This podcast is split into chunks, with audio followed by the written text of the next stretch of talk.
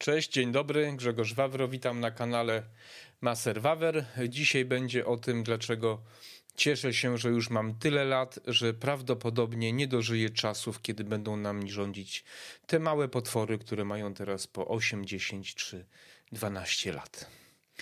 Zapraszam na odcinek. Wcześniej proszę jednak o subskrypcję, lajki, komentarze do mojego odcinka. Proszę o wspieranie mojego kanału właśnie w taki sposób. Kanał ten y, stworzyłem po to, żeby mówić o sprawach trudnych, moim zdaniem ważnych i na tym kanale chcę Was przekonać o tym, że warto się zastanowić nad otaczającą nas rzeczywistością.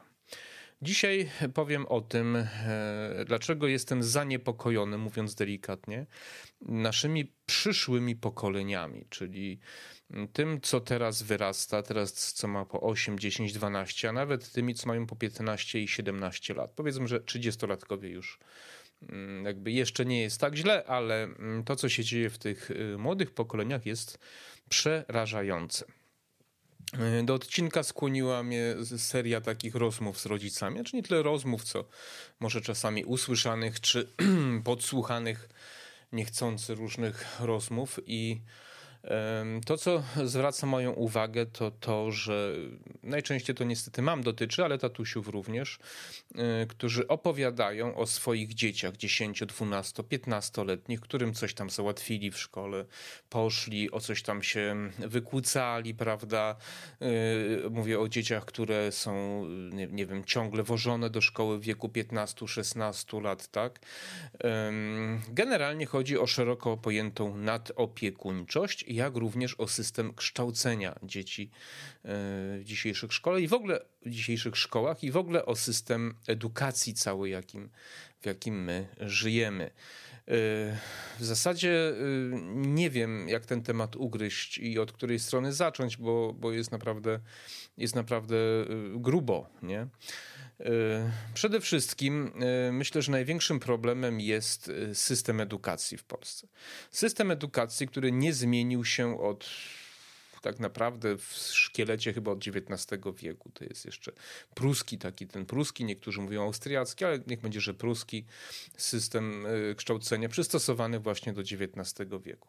Powiedzmy, że w tym jeszcze by może nie było nic takiego strasznego, gdyby nie to, co jest chyba najważniejsze, że o programie decyduje państwo.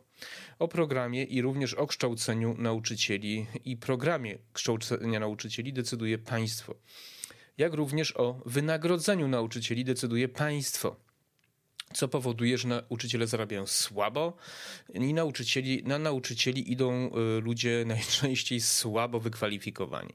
Ja mam pewne porównanie, ponieważ ja kończyłem szkołę podstawową w 1988 roku i potem y, jeszcze chodziłem do zawodówki, potem do liceum, potem do medycznego studium, ale to jeszcze były czasy, gdzie na swoich, można powiedzieć, ostatnich rocznikach takich zawodowych byli nauczyciele, którzy byli wykształceni przez jeszcze nauczycieli z pokolenia przedwojennego i to się czuło. To się czuło. To byli ludzie często, najczęściej, nie, oczywiście nie zawsze, ale najczęściej z powołania, ludzie, którym zależało, żeby nauczyć, ale również zależało, żeby wychować. Y, to, co dzisiaj widzę, to, co widzę na własne oczy albo z opowiadań wielu rodziców, y, no to jest tragedia. Generalnie poziom jest bar bardzo niski. 95% nauczycieli to są kobiety, 5% to jest logiczne mężczyźni. To niestety też widać, nie żeby no, nauczycielami gorszymi były kobiety, tylko jest pewna nierównowaga. Mężczyźni mają inne podejście do wychowania dzieci, zwłaszcza chłopców, pewne wzorce stanowią i tak dalej, ale to może jeszcze nie jest najmniejszy problem. O wiele, o wiele większym problemem jest, jakie są programy nauczania, kto o nich decyduje, dlaczego o nich decyduje, czego się uczymy, czego się nie uczymy. A drugim problemem jest egzekw egzekwowanie tych programów. Ja kiedyś pamiętam taką statystykę, że wprowadzono jakąś nowatorską metodę nauczania języka polskiego, to wiele lat temu było. I 15% nauczycieli tylko ją stosowało, reszta nie stosowała, ale nie było za to żadnych konsekwencji. Mówiąc inaczej, po pierwsze, uważam, że dzieci mają prawo, a w zasadzie rodzice mają prawo wybrać sobie szkołę, styl nauczania, jak również program do nauczania swojego dziecka, ponieważ to jest ich dziecko, a nie dziecko państwowe, chociaż w realiach tak naprawdę dzisiaj dzieci są bardziej państwowe, jak to słusznie zwrócił uwagę Robert Gwiazdowski, że łatwiej jest y, odebrać dziecko rodzicom, niż zwolnić złego nauczyciela, który robi straszną krzywdę, źle ucząc nasze dziecko. Więc, yy, więc niestety problem jest w tym, że rodzice nie mają możliwości, ponieważ problem jest ogólny i dotyczy wszystkich szkół, yy, wybrać sobie szkoły, Y, programu, y, jakiegoś nastawienia szkoły, prawda? No bo mogę sobie wyobrazić, że y, rodzic chce dziecko wychować na wartościach jakichś, nie wiem, nowoczesnych, tak zwanych lewicowych, a ktoś inny chce na wartościach chrześcijańskich, prawda? Powinien mieć do tego prawo, bo to jest jego dziecko i on powinien zdecydować, w jakim kierunku jego dziecko będzie kształcone, a nie jakiś urzędas ministerialny, który sobie coś tam wymyśli, a nie rzadko weźmie pieniądze za, za coś tam, żeby żeby jakiś program wprowadzić, bo to spowoduje, że na przykład przyszłe pokolenie będzie chętnie głosowało na przykład na lewicę, prawda? Więc nie uczymy historii takiej, jaka była, tylko uczymy tej historii, która spowoduje, że y, młodzi ludzie chętnie będą głosowali na przykład na lewicę, prawda? To się dzieje, to się dzieje cały czas. To nie jest przypadek, że, że nie starczy czasu na naukę historii tej po 1945 e, roku. Prawie nikt się tego nie uczy albo bardzo pobieżnie. Dlaczego? No bo to byłoby bardzo, bardzo niewygodnie, a ewentualnie trzeba by kłamać. Więc to jest jeden z większych problemów. Drugim problemem jest y, właśnie nadopiekuńczość rodziców, którzy y, egzekwują od nauczycieli, czy nie egzekwują, próbują wymuszać na nauczycielach y, pewne oceny, z zachowania, z, z, przedmiotów, prawda? Kłócą się, przychodzą, mają dostęp do dzienniczków. Y, nie pozwalają karać uczniów za złe zachowanie. Y, w moich czasach, kiedy y, chodziłem do szkoły podstawowej, kiedy dostało się od dyrektora linijką po łapie, to jeszcze jak się przychodziło do domu, to od rodzica się dostawało poprawkę, bo, ponieważ za coś tą karę otrzymaliśmy. Dzisiaj rodzice są przewrażliwieni, co powoduje, że dzieci czują się bezkarne. Mogą robić wszystko, nie mają granic. Noszą smartfony do szkoły, bawią się smartfonami, grają w gry. Nie muszą się bardzo starać, ponieważ poziom nauczania spada. Y, wielu, y, wielu rodziców twierdzi, że ten program jest bardzo rozbudowany. Może on jest i bardzo rozbudowany, i może jest bardziej rozbudowany niż za moich czasów, ale być może tego programu jest za dużo, ponieważ dzieci wiedzą niewiele, młodzież wie niewiele, poziom wiedzy ogólnej spada. Generalnie cywilizacja zachodna głupieje od 2000 2005 roku. Takie są badania i to się mniej więcej pokrywa y, z y, momentem wprowadzenia smartfonów mniej więcej na rynek. Swoją drogą zakaz posiadania smartfona w szkole byłby bardzo łatwy do wyegzekwowania. Znacząco pomógłby, mm, myślę, że mógłby podnieść poziom nauczania, jak również poprawę takich relacji społecznych, nauczenia się relacji społecznych, interakcji między dziećmi. To byłoby łatwe do zrobienia, ale z jakiegoś powodu tego nikt nie wprowadza. Dlaczego? Bo szkoły są w większości państwowe i szkoły są yy, na szkołach wymuszane pewne decyzje odgórne, czyli programy zasady funkcjonowania, czyli kuratoria i tak dalej. Nawet jeśli są to szkoły tak zwane społeczne, szkoła, szkoła prywatna starałaby się dbać o poziom nauczania, żeby jak najwięcej, jak najlepszych uczniów do tej szkoły trafiło. W państwowej szkole nie zależy nikomu na tym. W państwowej szkole, jak w każdym państwowym zakładzie pracy, liczy się pracownik. Nauczyciel jest najważniejszy. Karta praw nauczyciela jest najważniejsza. I żeby nauczycielowi bez względu na jego poziom wiedzy, zaangażowania, inteligencji, nic się nie stało. Nauczyciel ma dostać swoje wszystkie dodatki, pensje i ma być nienaruszalny. Uczeń może być, ale tak naprawdę mogłoby go nie być. Najważniejszy jest nauczyciel, tak jak pracownik w każdym innym zakładzie pracy. Następnym punktem, jaki chciałem poruszyć, to. Yy, to jest science fiction tak naprawdę, ale powiem to. E, ja uważam, że mm, najlepszym sposobem E, funkcjonowania systemu edukacji, to byłby obowiązek wysyłania dzieci do szkół z internatem.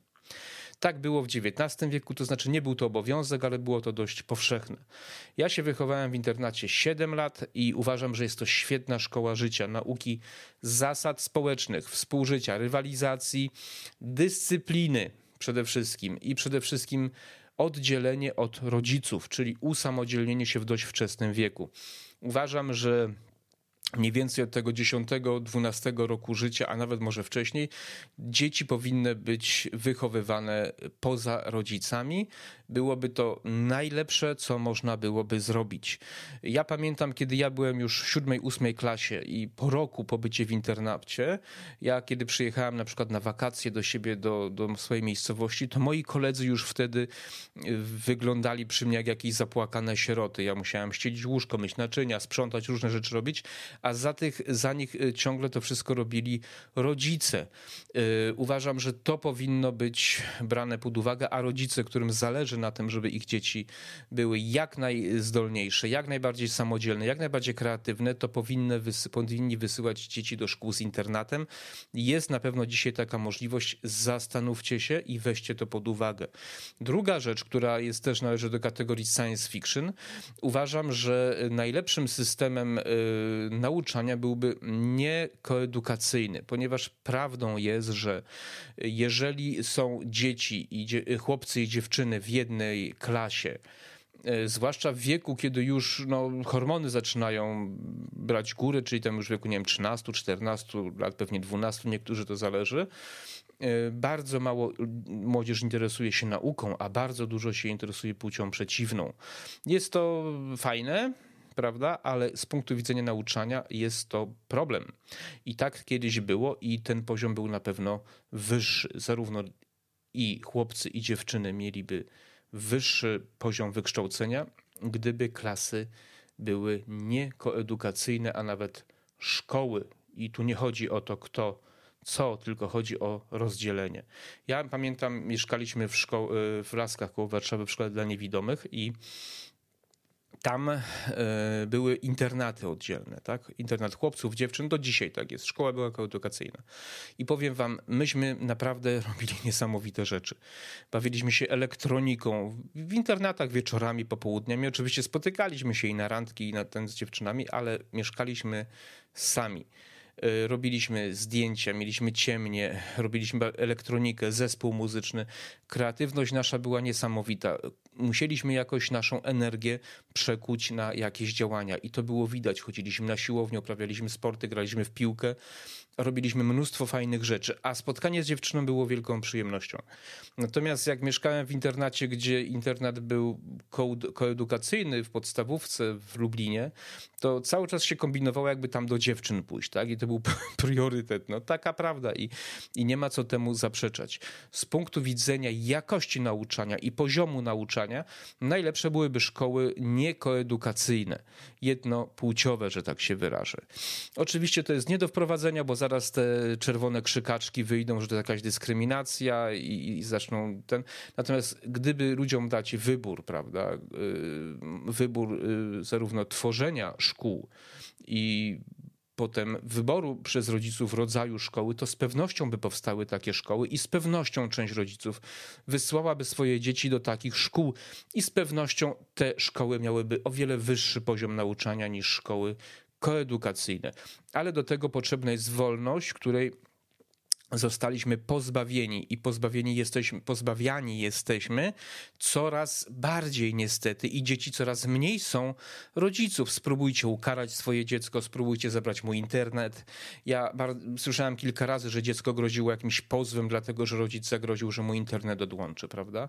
To jest nieprawdopodobne. Za moich czasów mieliśmy, moich czasów, tak? Trochę to brzmi dziwnie, ale tak, no ja mam już 50 lat, kończę teraz w kwietniu i powiem, że kiedyś te, do rodzica czuło się respekt, do nauczyciela czuło respekt. Człowiek znał granice. Wiedział, co mu wolno i, i czego mu nie wolno. Natomiast dzisiaj te granice są coraz bardziej zatarte. Dziecko nie, nie, nie czuje granic i nie uczy się pewnych podstawowych umiejętności, które są niezbędne do życia dorosłego. Więc jestem przerażony tym, co z tych pokoleń wyrośnie. Nie są zdolne do pracy, do ciężkiej pracy, a przede wszystkim do odpowiedzialności. Bo szkoła powinna również wychowywać, uczyć odpowiedzialności, ponoszenia konsekwencji za swoje błędy. Jeżeli nie umiesz, to zostajesz w klasie, dostajesz pałę z zachowania, dostajesz karę i ponosisz konsekwencje. Dzisiaj tak nie ma. Dzisiaj rodzice za uszy wyciągają swoje dzieci, starają się robić wszystko, żeby tym dzieciom ułatwiać i usuwać przeszkody sprzed nóg. Jest to dramat. Nie wiem z czego to wynika. Znaczy może wiem, ale to jest y, na inny odcinek y, pewnie temat. W każdym razie tak jest i tylko wolna konkurencja w edukacji, tylko wolny wybór rodziców mógłby spowodować, że część dzieci dałoby się uratować. Tych przede wszystkim, którym zależy, bo moim zdaniem na najwyższym poziomie powinny się kształcić te osoby, którym zależy, a nie na siłę ładować. Yy, wszystkich tam jakieś korepetycje, niekorepetycje, cuda, niewidy. To jest w ogóle dziwne, że chodzi się do szkoły, a potem na korepetycje do swojego nauczyciela, prawda? To dość, dość często się zdarza. No biznes jest biznes, nie? No, no, no wiadomo, więc, więc yy, w ogóle jest jeszcze coś takiego już zbliżając się do końca, co moim zdaniem jest chyba jednym z cięższych y, problemów, czyli to, że rodzice swoje niepowodzenia życiowe próbują. Yy, poprzez dzieci swoje realizować, tak? Czyli prowadzają na szereg jakichś kursów, tańców, baletów, pianina, pływania, wszystkiego, żeby z tego dziecka zrobić geniusza. Wiele badań powstało na ten temat, które mówią jednoznacznie, dzieci, jeżeli są w tych pierwszych lat, e, latach swojego życia, do tego 10-12 roku życia, tak eksploatowane, potem mają problemy, nie są kreatywne, nie osiągają wybitnych wyników na studiach w liceach i nie osiągają zbyt dużo w swojej karierze zawodowej. Po prostu dzieciństwo musi być dzieciństwem. Dziecko powinno mieć czas na naukę i na zabawę, a nie od rana do nocy być eksploatowane przez swoich głupawych rodziców, którzy myślą, że poprzez y, osiągnięcia swojego dziecka podniosą swój status społeczny, tak? Bo o to, tu, o, to tu chodzi tak naprawdę. Więc rodzice, zostawcie dzieci w spokoju, pozwólcie im się normalnie naturalnie kształcić, pozwólcie im się bawić, cieszyć życiem, ale też stawiajcie ramy i granice. Wiem, że to jest trudne, ale to jest niezbędne, jeżeli nasze mm, przyszłe pokolenia mają w ogóle y, jakkolwiek funkcjonować, bo w tym momencie ci, co mają po 15 lat, po 17, duża ich część oczywiście, nie są zdolni nawet do zwykłej podstawowej pracy, tak? Ludzie pracy, powiedzmy, nie wiem, no, na uczelni, a już w wieku 20 na uczelni czy w szkołach, bo mówię to na podstawie też rozmów oczywiście swoich z, z nauczycielami akademickimi i nie tylko ale kiedy już osiągają wiek, w którym trzeba podjąć pracę, oni nie potrafią pracować, tak? Podstawowych rzeczy nie potrafią wykonywać. Nie potrafią być punktualni, nie potrafią ciężko pracować, nie potrafią nic tak naprawdę. Kończą dziwne kierunki, które, y, których skończenie nie wymaga y, wiele intelektu, ale które nie dają żadnego przygotowania i potem się dziwią, że za to tylko, że oni istnieją, oddychają i, i mrugają oczami, nikt im nie chce płacić, tak? Więc to jest konsekwencja tego. Więc y, niestety no, przyroda mówi jednoznacznie, żeby się czegoś nauczyć, trzeba się najpierw potknąć, wywrócić, podnieść, iść dalej, nauczyć się chodzić, tak? Więc cholera jasna, pozwólcie się dzieciom wywracać i pozwólcie im się uczyć podnosić z tych wywrotek, tak? Nie, nie, nie róbcie z nich inwalidów y, w wieku lat 15 czy 20, bo to będą kiedyś pokolenia, które będą rządzić naszym krajem tak? i decydować o najważniejszych rzeczach w naszym państwie. Dobra, nagadałem się. Dziękuję za uwagę. Y, moje odcinki mniej więcej w tym tonie teraz będą, ponieważ y, i, i, i będą troszeczkę bardziej takie dynamiczne i bardziej takie konkretne bym je nazwał, ponieważ rozdzieliłem mój kanał wszelkiego rodzaju prywatne sprawy, historie, jakieś zwierzęta, takie rzeczy zapraszam na Grzegorz, masaż e, Boże, na kanał Grzegorz Wawro, tak się nazywa, jak ja się nazywam. I tam będzie wszystko, co nie związane z polityką, a tu będzie wszystko, co związane z właśnie z polityką, gospodarką, z tymi najważniejszymi sprawami dotycz, dotyczącymi naszego życia takiego społecznego, politycznego, gospodarczego, czyli największy kaliber problemów, z jakimi będziemy musieli się zmierzyć w najbliższych latach. Dziękuję za uwagę, życzę wszystkiego dobrego i zapraszam do kolejnych odcinków. Cześć.